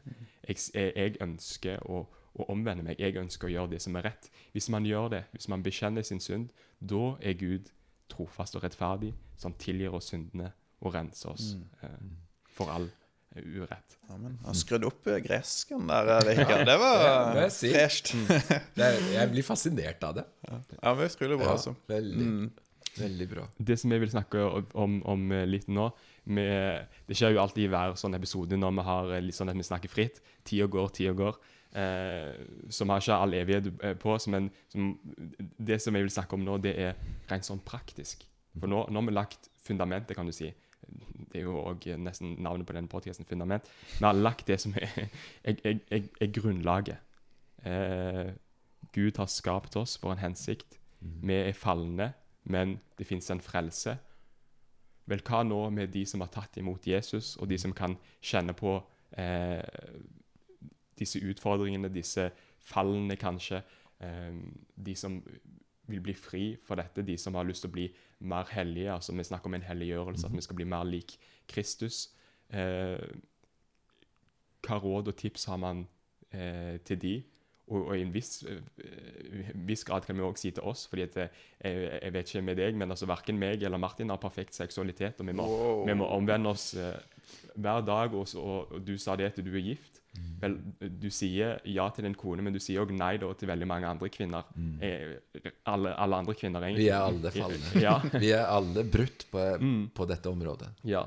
Så Jeg syns det var litt frekt sagt. Jeg føler meg, jeg føler meg Nei. Jeg tar, jeg tar, det- jeg, jeg tar det til etterretning. Absolutt. rent praktisk, Ja, eh, hvordan skal en forholde seg til dette? godt spørsmål. Jeg, eh, jeg snakker mye om kjærlighet. Mm. Og hvem er det som skal lære oss om kjærlighet? Og hvordan skal kjærlighet Og hvilke egenskaper skal kjærlighet eh, inneha? Og da kan vi jo, da kan vi jo gå inn i, inn i kjærlighetens landskap, tenker jeg. For det er veldig praktisk.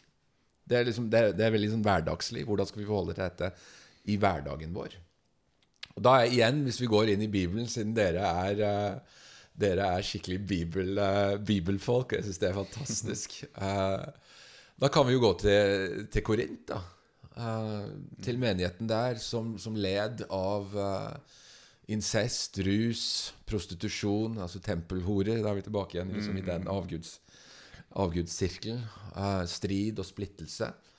Paulus han sitter vel nede i Efesus, mener jeg, og jobber med en ny kirke. Han hører et brev, han hører et rykte fra Kloes hus, som var et handelshus i, i byen Korint, om at det er trøbbel der oppe. Og så setter han seg ned og starter og minner de på grunnhistorien deres. Dere er elsket. Altså bekrefte identitet. Han avviser ikke. Synd forventer avvisning. Opprør mot Gud forventer 'nå blir jeg avvist'. Men det å bekrefte 'du er elsket'. Og så begynner han å nøste i kjærlighet. Og da, da kan den ta disse ulike praktiske tingene, da, som f.eks. at kjærlighet er tålmodig. Den kan vente. Det snakker jeg med ungdommer om. Sex kan vente. Eh, og ut ifra hva Bibelen taler sant om, så sier Bibelen at seksualiteten hører inn forbi en ramme mellom en mann og en kvinne som er velsigna i et forpliktende ekteskap. En hellig pakt. Kjærlighet er tålmodig. Eh, kjærlighet er velvillig. Den vil deg godt. En samtale jeg hadde med et ungt menneske som var i et kjærlighetsforhold hvor det var mye press om eh, å ha sex. Veldig praktisk her. Eh, som vi må være. Og så er min utfordring til, til vedkommende at Ok, du sier du er i et, kjær, i et kjæresteforhold, så da regner jeg med det er kjærlighet. Ja, sier vedkommende. Men det jeg nettopp har undervist om, er at kjærlighet er tålmodig og velvillig. Føler du deg trygg i dette forholdet? Og opplever du tålmodighet? Nei. Ok. Da må vi inn helt, helt jordnært og praktisk. Er dette da kjærlighet, ut ifra hva Bibelen underviser om kjærlighet? Nei, det er det ikke. Ok, Så her, her hva er valget da? Og da blir valget valgets kval. Eh, her falt loddet ned på sida at da er det forholdet over. Det, det er over. For dette er noe som ikke inneholder de elementene som Bibelen snakker om hva som er godt for mennesket. Og det å forholde seg til helt sånn praktiske ting i livet vårt Jeg tror medvandring. Uh, Jeg tror, jeg tror disse samtalene i, i stor grad hører til i trygge, nære relasjoner. Hvor vi er transparente i livet vårt. Fordi noen kanskje de forteller eh, problemene de har til ingen. De har vanskeligheter, de forteller det til ingen. Og graver seg på en måte ned i sin egen lille grav der med sine problemer. De har løyet til seg sjøl kanskje i 20 år. I 10 år. Eller i to uker. Altså, det, er liksom, det er alt ettersom hvordan håndterer en disse tingene. Men trygge, nære relasjoner, åpenhet Det er, eh, det er jeg, jeg møter jo ekstremt mye mennesker rundt i hele Kirke-Norge. Det er så mye varme, kjærlige, nære, sanne kristne der ute. De skal vi løfte fram og snakke fram. Er jeg i et ungdomsmiljø, så, jeg, så, så legger jeg breisida til med at hei, dere skal kunne stole på ungdomslederne her. Dere skal kunne forholde dere til de som leder dette miljøet, og snakke med dem om livet på en ærlig og kanskje brutal måte. Jeg løfter fram hjemmet, foreldre. Jeg har selv vært liksom delaktig i å oppdra fire barn, hvor vi har hatt mange samtaler om disse tingene.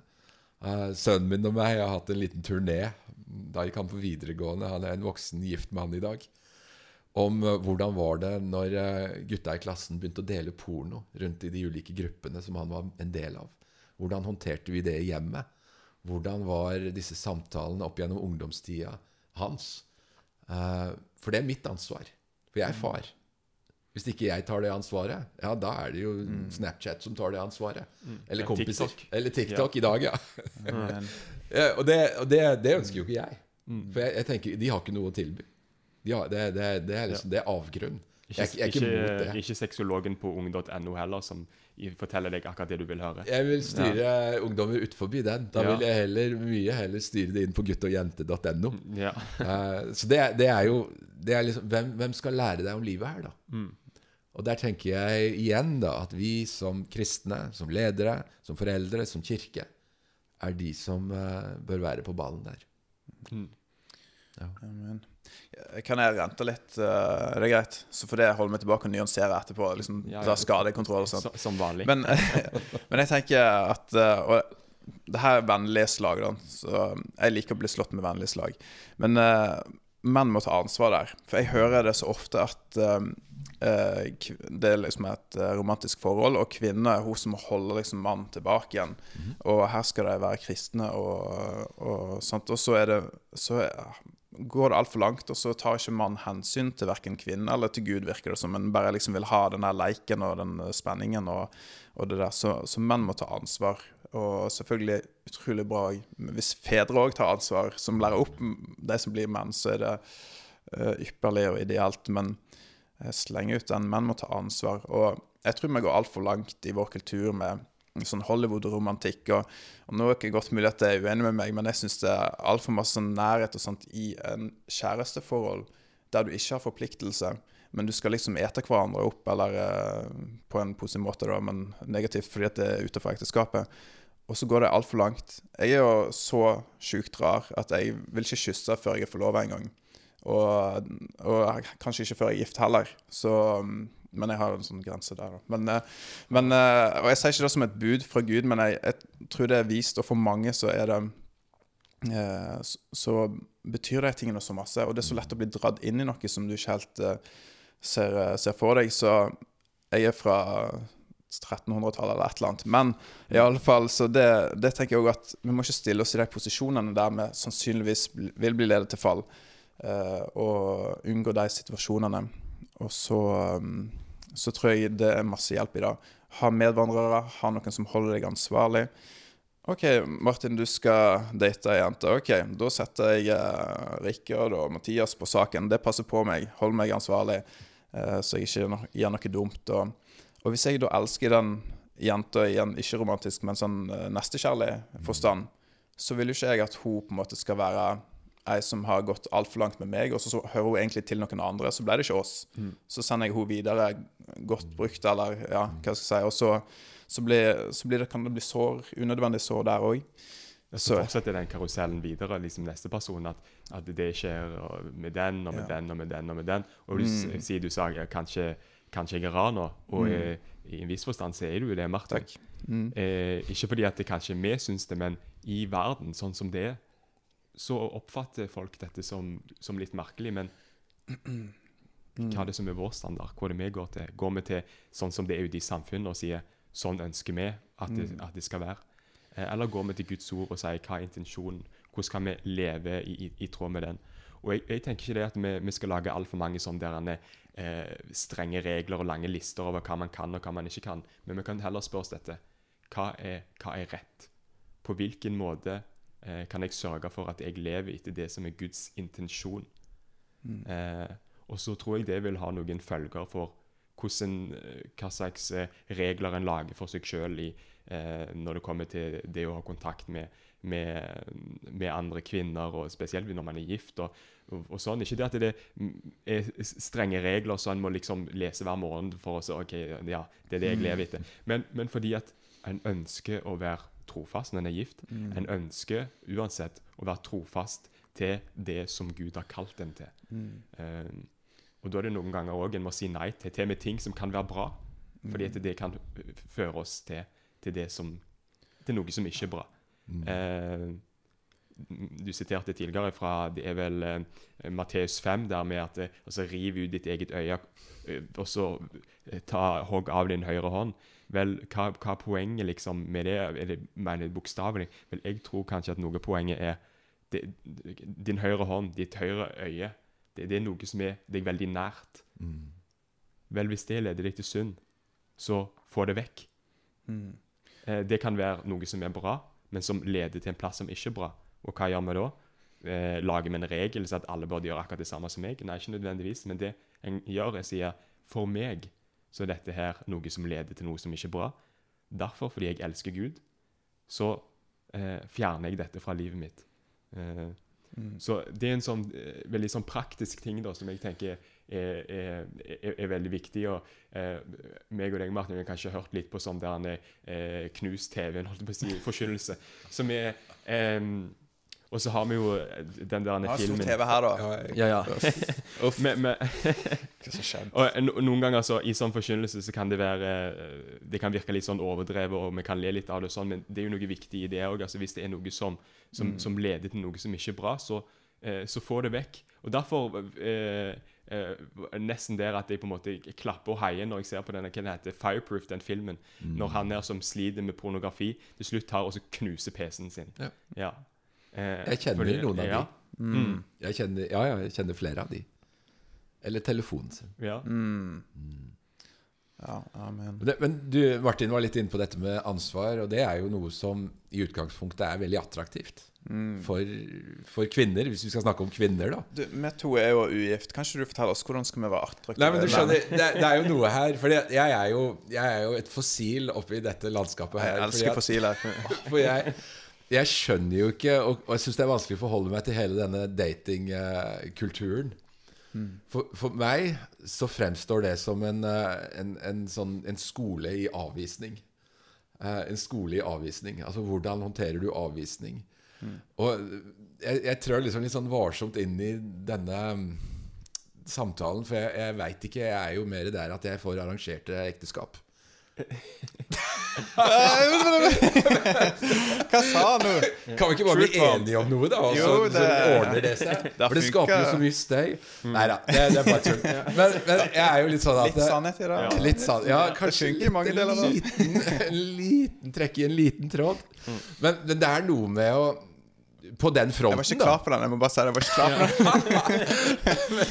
Men på den, den fronten av livet så er det noe med den, den ansvarsbevisstheten eh, som gir en, gir en retning uh, i livet sitt, med at det er sånn jeg ønsker å etablere en relasjon. Uansett hvilke valg du tar. Hvordan, du, hvordan du tenker å gå inn i dette, men at du går inn i det med et, med et helt hjerte.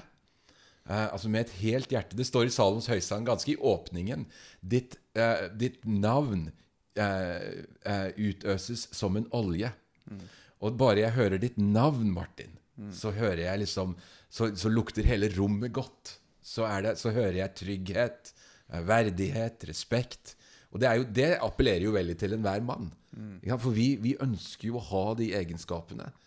Og jeg tror jo, når jeg snakker med kvinner da, om disse tingene Unge kvinner, gjerne rundt på skoler eller bibelskoler eller folkehøyskoler, som er veldig nysgjerrige på hva er det du sier til de unge mennene du, hvis de har eget opplegg med de, så er jo det noe av denne her det som, det som de finner veldig attraktivt, er nettopp dette med å gripe om livet. Og ta ansvar, finne løsninger på utfordringer. For de står i kø.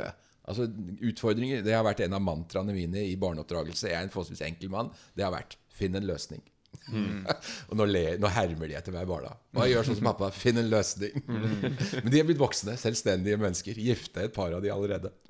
Og det er noe med, å, er noe med å, å, å, gripe om Og da tror jeg vi er bak i grunnfortellingen vår. Vi er bak i, da er vi jo tilbake til oppdraget, å legge jorden under oss. Mm. Og av og til så er dette Det er, det er krevende å forholde seg til det. Men uh, i vår sårbarhet, i vår, i vår eh, mislykkethet, i vår fortapthet, så trør vi inn som et nytt menneske. Mm. Og der òg tenker jeg disse, disse her samtalene om, uh, om, relasjoner og nysgjerrighet og spenning og utforskning knytta inn i denne datingsnakken, da, som jeg mm. egentlig er liksom Den er det, jeg bare, jeg syns det er krevende å forholde meg til denne her datingkulturen. Mm. Ja. Ja, du er ikke, alene der.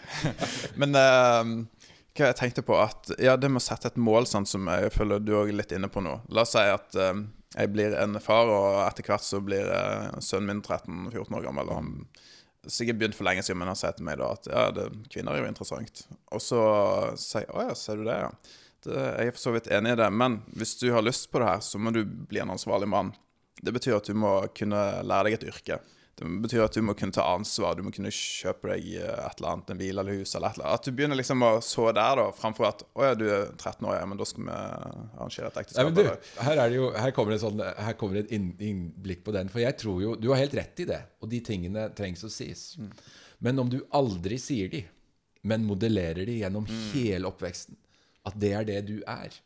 Det er sånn pappa elsker mamma. Han vet, han kjenner språket hennes. Han veit mm. at når de listene er på plass, så betyr de noe helt annet enn å komme hjem med en blomsterbukett. Mm. Ja, det er liksom det å, det å, snakke det samme språket når det kommer til kjærlighet i en relasjon. Og når, når, når, vi snakker om Vi kan si hva vi vil. Og det er jo gjerne det vi har blitt liksom beskyldt på for, som kirke. At vi gjerne har kommunisert noe fra plattformen, og så har vi levd noe annet. Eller kirken har fremstilt noe, og så er løfta fram et ideal, og så er virkeligheten helt annerledes. Mm. Og det er jo noe av, noe av, dette med å trø inn i, i farskap. Om det er egne barn, eller om det er som ungdomsleder eller ungdomspastor, så, så trør du, du trør inn i farskap. Og det er noe med å gripe den rollen. Mm. Og jeg, jeg, ser jo unge menn som jeg tenker Wow, det er, det er, farskap du har begynt å modellere. Altså Du bærer stolene, og du er, du er førstemann på huset, og du er sistemann hjem. det er så klassisk kristen. Det er bære stolene. Ja, bær stolene. Mange stoler. Ja, ja. ja. Hvor mange klarer du, Martin? Jeg vet ikke helt. Jeg er ikke så vant med det der bære stolene. Vi har så liten menighet. det, er så, det er ti stoler der, liksom. Ja. Men, men det, å, det, å, ikke ta ansvar, det å um, Hva skal jeg si Ligge på sofaen uh, det oppsøker eh, hva skal jeg si, sånn instant nytelse, dopamin, på en måte, gaming Passivitet. At, ja, jeg, Mitt inntrykk er at det er veldig sånn typisk menn å, å, gjøre det. Og nå tenker jeg ikke normativt at det er bra, men eh, deskriptivt. Mm -hmm. Altså at det er sånn det er. Mm -hmm. eh, hva tenker du om det? Jeg tror du har helt rett i det. Og det er, det er ting som jeg i perioder har forholdt meg til i eget liv. Altså egen passivitet. Uh, inn i situasjoner, inn i roller. Til og med inn i lederroller, hvor jeg, det er enklere å bare være passiv i denne situasjonen her, og ikke bare gripe det og eie det.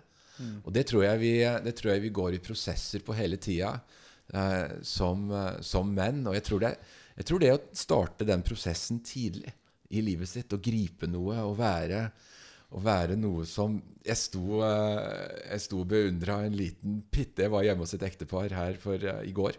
Jeg var hjemme hos de og spiste, og de hadde små barn. og jeg, Det er lenge siden jeg har hatt små barn, men de hadde en sånn toåring. og han sto og, Altså, den gutten han var ikke i ro. Han sto og dirra. Han sto rett opp og ned på gulvet og hoppte når han liksom sto der. Og jeg tenkte wow, for en Altså, det der er ikke mye passivitet. Og jeg tenkte å, bevar den derre den der lidenskapen med å være i bevegelse, med å ha rytme i livet. Uh, og den derre gutteaktige tilnærmingen til livet tror jeg vi skal prøve å bevare litt av og til. Og slippe det fram i oss. Samtidig som vi skal gripe livet som menn og være ansvarsbevisste. Og der tror jeg Gud eller tror altså Bibelen er jo beint tydelig på det. Det er jo liksom i oppdraget. Det, å, der er vi tilbake igjen i grunnfortellingen. Hva vi skal gjøre, og legge jorden under oss.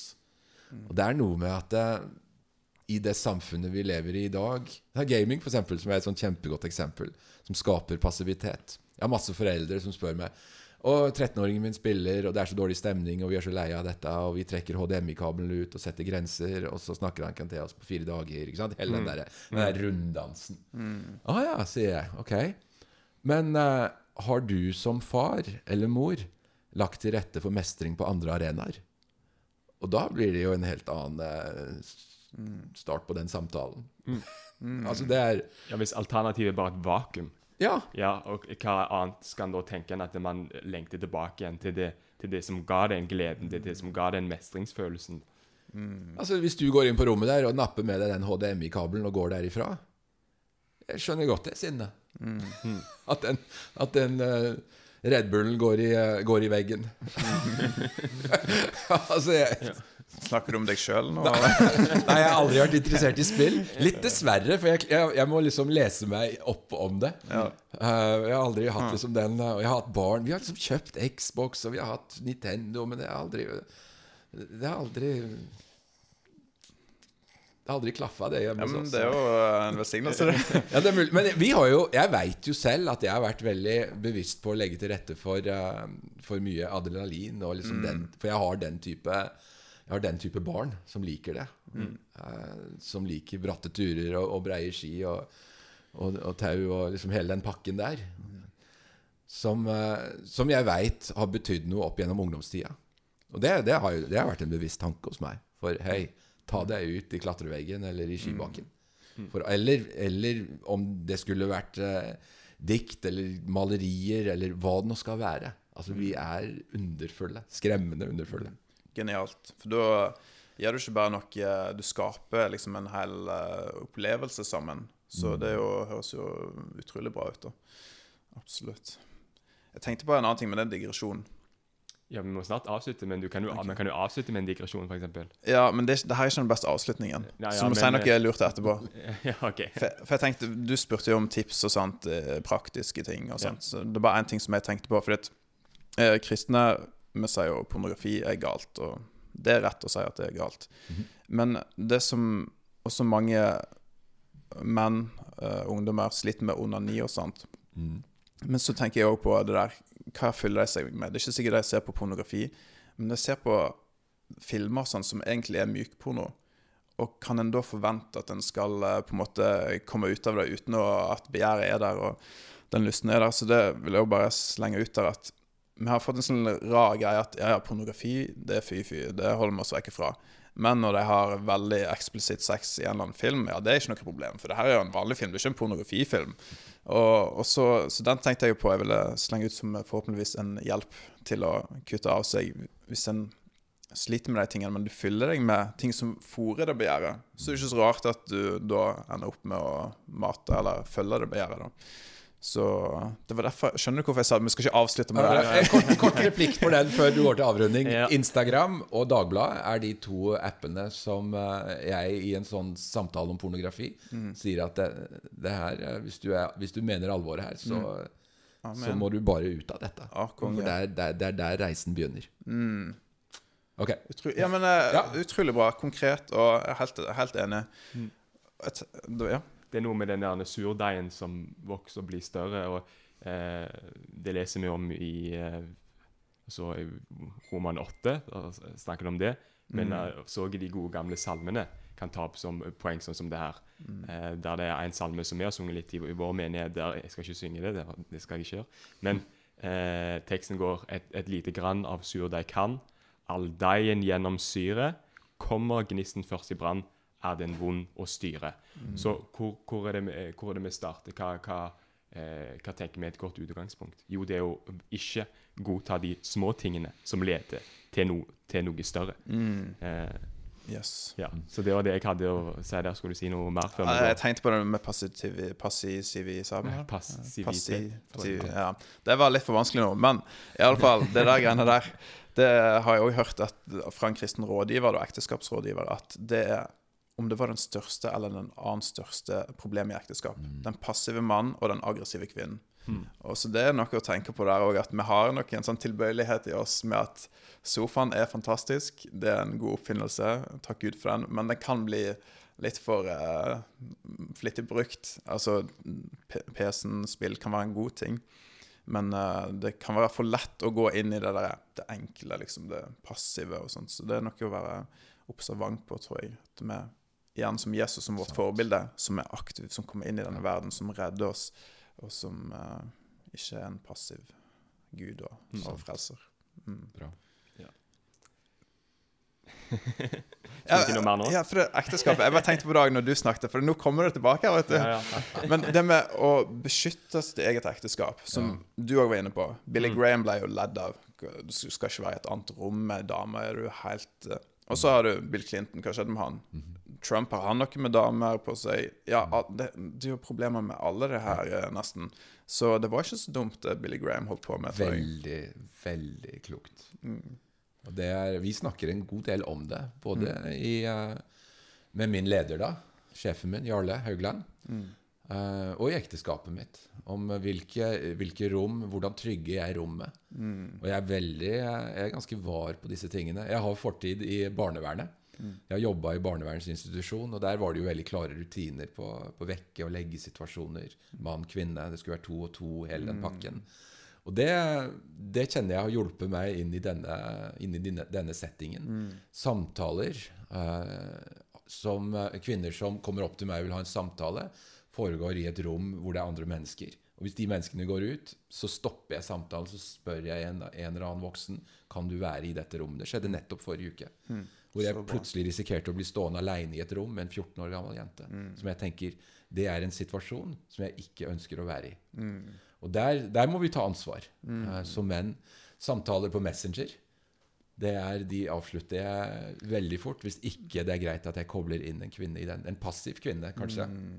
I den samtalen. Så bra. Så dette er, eh, dette er ting som er verdt å snakke om når vi som kristne ledere Kanskje superrelevant nå, liksom det var akkurat liksom, hva som koker rundt omkring nå. Men uh, dette kommer igjen og igjen. Og jeg har jo en bevissthet om at menn som meg, som jobber i en sånn setting, da er det penger, makt eller sex. Det er det som liksom er greiene. Og i tro og medier så er penger ikke et stort, stor utfordring. makt er uh, Du kan få en innflytelse, men uh, sex er det liksom det, der du virkelig, uh, virkelig må ha noen klare tanker. Så det er godt innspill. Godt innspill. Veldig bra det du sier. Veldig kjekt å høre. Du skal avslutte, du, men jeg bare ja. Jeg bare tenker så viktig når du beskytter ekteskapet ditt òg, at du har en god dialog med di og for henne med mannen sin, da, om, om hvordan møter vi det her når andre snakker til meg og sånn. For utroskap treng, kan jo begynne i det små, liksom, og, og den typiske der du snakker med noen andre på en eh, Altså du har et emosjonelt behov som du ikke føler blir møtt, så du søker andre og sånt. Så, så bra det du sier. Jeg tror det er så viktig at en snakker om den, respekterer hverandre innad i ekteskapet, hverandre sine grenser og, og mm, ja, hva som en er komfortabel med og ikke. da. Og det gjelder jo småting òg. Ting du ser på. Eh, Om du åpner opp eller en lenke eller et eller annet. Altså hele denne settingen hvor den bygger inn en, bygger inn en trygghet. Uh, altså Hjemme hos oss vi har jo, vi bruker, og jeg anbefaler en app som heter Covenant Eyes, som er en veldig bra app. Altså Alt jeg har av digitale enheter, det er 100% transparent. Jeg Og, det, og sånn lever jeg. Uh, I bevissthet om at jeg er en mann av kjøtt og blod som er ærlig og sann på livet. Og det er, det er noe med å være Og er, jeg ser jo at dette går rett hjem når jeg snakker til foreldre og ektepar. Og, og det å liksom ta det valget. Uansett hvor jeg er i livet, og hvordan jeg, hvordan jeg håndterer livet mitt, og hvilke valg jeg har tatt, og hvor, hvor sterk jeg er i troen min, eller you name it. Sånn vil jeg ha en trygghet rundt livet mitt, og det har jeg liksom bestemt meg for. Amen. Og David var ganske eh, flink på harpe og lovprisningen før han falt, han òg. Så jeg, det. tror det Nettopp det. Ja. Godt tegn. Vi må ta historien inn over oss. Og det er så skadelig for Guds rike når menn faller. Yes. Og særlig menn som står i lederposisjoner. Altså Det er en katastrofe. Det, det er det. Som skjer igjen og igjen. Så Det gjør det. ja, det er bra å bli minnet på. Mm. Veldig bra poeng. Kan jeg avslutte nå? Ok. Eh, ja, eh, så det var det vi rakk for eh, denne episoden. Hvis ikke du, Martin, har flere, Nei, nei, jeg skal gi meg. Jeg skal gi meg. Flere digresjoner. En bedre, ja, en bedre historie, det er det det handler om. Mm. Eh, at eh, vi eh, skal søke eh, Gud og se hva som står i Hans ord, eh, og ønske det å leve eh, etter det som er hans sin eh, intensjon. Eh, og det syns jeg vi har fått lagt ut eh, på en ganske god måte her nå, håper jeg, i, i, i denne episoden. Eh, og det er jo det vi ellers òg snakker om mye av det her eh, på, på denne podkasten her. Hva, hva Gud, har, Gud har kalt oss til. Og det er jo en podkast som handler om, handler om kristendom, handler om samfunnsspørsmål. Nå prøver jeg å komme ut med episode annenhver uke. Så nå forhåpentligvis, om, om, om to uker eh, eh, etter denne her, eh, så kommer det en, ny episode. Jeg håper ikke at det blir eh, eh, lenger enn det. Jeg holdt nesten på å si hvilken episode det blir, men så kom jeg på at eh, det skal jeg ikke si, fordi da eh, kan jeg låse meg i en situasjon der jeg ikke er så fleksibel som jeg ønsker. Så det er bare å droppe med. Eh, men, men uansett, jeg har lyst til å slutte med å si eh, Alexis eh, Lund, tusen takk for at du eh, ville være med oss i denne episoden. Takk for at jeg fikk være her.